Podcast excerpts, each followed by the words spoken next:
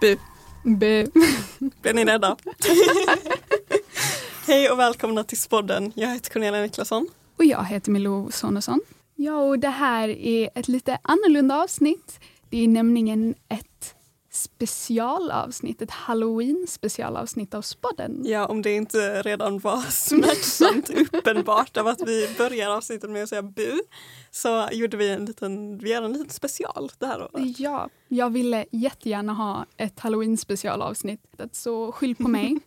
Det är mitt fel. Ja, men eh, vill du berätta vem vår jätteläskiga gäst är idag Milo? Jo, vår väldigt läskiga gäst är Lars Ahl. Hej hej! Och han är då en av de lärarna på Spiken som har jobbat absolut längst.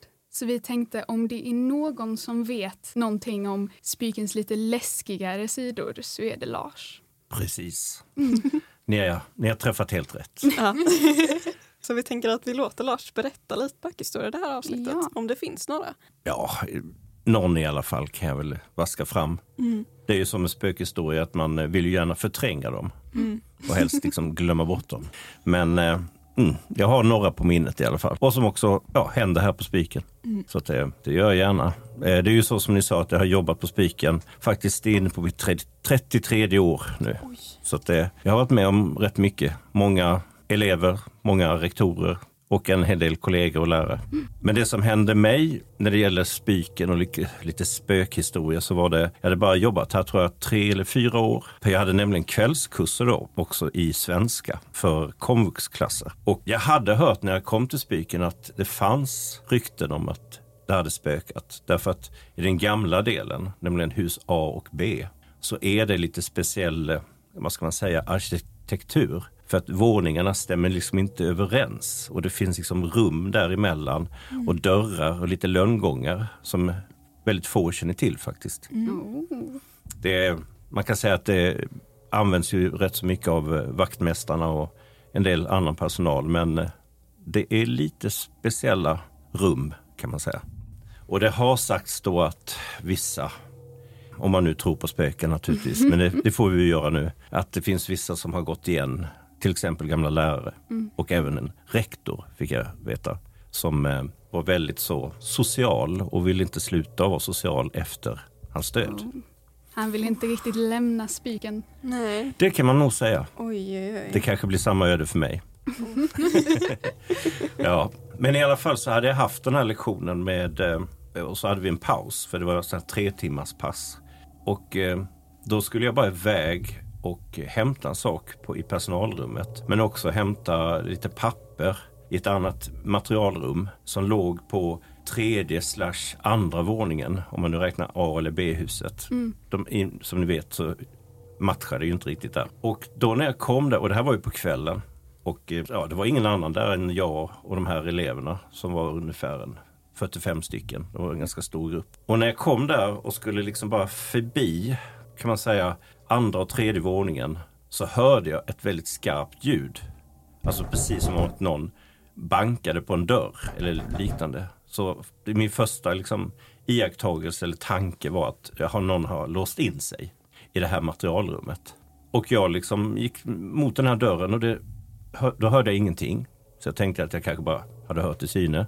Så att jag, eh, jag bara öppnade dörren lite snabbt, tittade in, det var ingen där. Så jag tänkte, ja, det var väl ingenting med det. Så vände jag mig om och ska gå och då bankade det igen.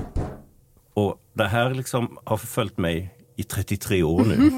Vem var där innanför den här dörren? Var det någon av mina elever som kanske försökte busa med mig eller pranka eller ja, förföljde mig ba- när jag skulle gå och hämta? Eller var det verkligen någonting? Och eh, då började jag tänka på de här spökhistorierna om att det har funnits en äldre lärare som jag har pratat med som kanske ville skrämma upp mig, vad vet jag, men sa att de hade upplevt vissa ljud, framförallt på kvällarna. Och sen hade jag faktiskt en kollega också några år senare som precis i samma våning, i samma materialrum, hade upplevt precis samma sak. Och det här var alltså kanske två år efter min första incident. Och då tänker jag att eh, om det här var ett prank, då var det ju väldigt utdraget eh, att först göra det två år tidigare och sen två år efter. Ja. Precis samma sak. Nu är det så här kan jag säga att jag är inte direkt en spöktroende. Jag eh, har inte liksom tankarna kring det så mycket. Jag vet ju att det finns en eh, idag ökad tilltro kan man säga till lite det här med det mediala och an, den andra världen och sådär. Och det är ju så också, den här halloween har ju blivit liksom en stor högtid kan man ju säga. Som eh, även vi firar, även om det egentligen är ju alla helgonhelgen som på något sätt hänger ihop. Men eh, det kallas ju också i, alltså i Latinamerika för de dödas fest. Så att det handlar ju något på, på sätt och vis om att de döda ska få liksom ropa tillbaks från andra sidan och eh, visa att de finns. Men eh, jag tänker det kanske finns en anledning varför vi inte har lektioner på kvällen på Spiken längre. Det kanske ligger Ja. någonting i det.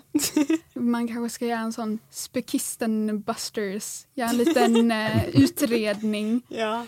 Ja, det, det tror jag det krävs. Jag menar, om det nu skulle vara någonting, eller vad det nu är, så är det ju i alla fall värt att reda ut. Man kan ju undra vad som gömmer sig i alla de hemliga rummen och alla sådana saker som tydligen finns på Spiken. Mm. Ja.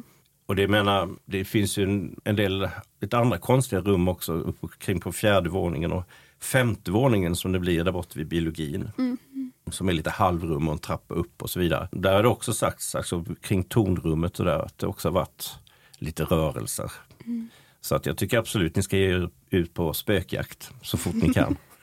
De trapporna där i A och B-huset, de är lätta att tappa bort sig i. Mm. Eller i alla fall i ettan. Jag har inte så bra lokalsinne.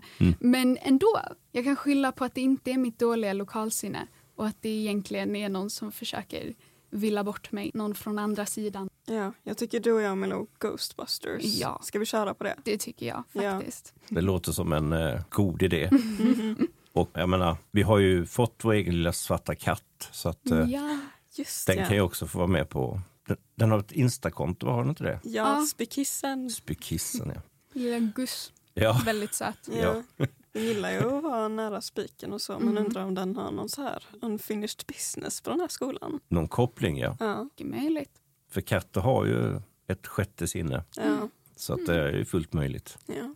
Man börjar oroa sig över hur många spikister som har gått fram och klappat katten. Är inte det, är inte det lite oturligt? Ja, det är nog en av världens mest klappade katter. Det tror jag. Ja, definitivt. Ja. Nej, men jag tycker nog att ni ska liksom ge det en liten undersökning. Mm. För att eh, vad det än är, det kan vara ljud som bildas av sig själv, alltså rör och annat. Men det kan ju också vara någonting annat. Mm. Men det läskiga med de här hemliga rummen är att de gömmer sig liksom precis framför oss egentligen. Att vi går ju förbi de här hemliga rummen varje dag men så vet vi inte att de finns. Absolut. Det är lite läskigt. Mm. Man kan ju gömma nästan vad som helst i dem. Nej, nu ska vi inte konspirera. nu, nu blir det konspirationsteorier här Ja. i podden. Nej, men apropå halloween Lars. Mm. Jag Ja. är lite nyfiken på vad ska du klä ut dig till på halloween? Oj. Alltså, jag har varit med om en del halloweenfester där jag har klätt ut mig. Ofta har jag faktiskt blivit vampyr. Mm. Eller blivit. Kanske är. Nej, men i alla fall. Men, men eh, det, ja, så det kan tänkas. Jag har en sån eh, fin cap som eh, brukar passa Ja. till såna. Du får skicka Ja. bilder till oss. Det kan jag absolut göra. Det är nu här i spodden vi får reda på att Lars egentligen är vampyr. Det är Mm. därför han har jobbat på Spiken så länge. Mm. Han är Precis. egentligen Mm. odödlig. Exakt. Exakt. Så att eh, ja, jag kommer liksom att överleva alla. Ja, men då vill vi tacka dig för att du har varit med och berättat om dina lite spökliga historier. Mm. Om någon av våra lyssnare har några spökhistorier som de vill dela med sig av, vad kan de kontakta oss då? Om ni vill berätta era alldeles egna spökhistorier så kan ni ju nå oss via DM på atspodden.podcast på Instagram eller så kan ni mejla oss på spodden.spiken.gmail.com. Om ni är mer intresserade av Lars Ahl och undrar om är han en vampyr eller inte så kan ni alltid lyssna på avsnitt två av Spodden där Lars Ahl blir intervjuad och får berätta allting om sig själv. ja, och sen så vill vi också säga att vi, det kommer inget avsnitt nästa vecka. Nej, spodden tar höstlov. Ja. Men vi är ju tillbaka som vanligt veckan efter höst, nytt avsnitt. Ja. Så tills dess så önskar vi ett bra höstlov. Tack till alla som har lyssnat och tack till Lars. Tack så mycket. Hej då. Hej då! Hej hej.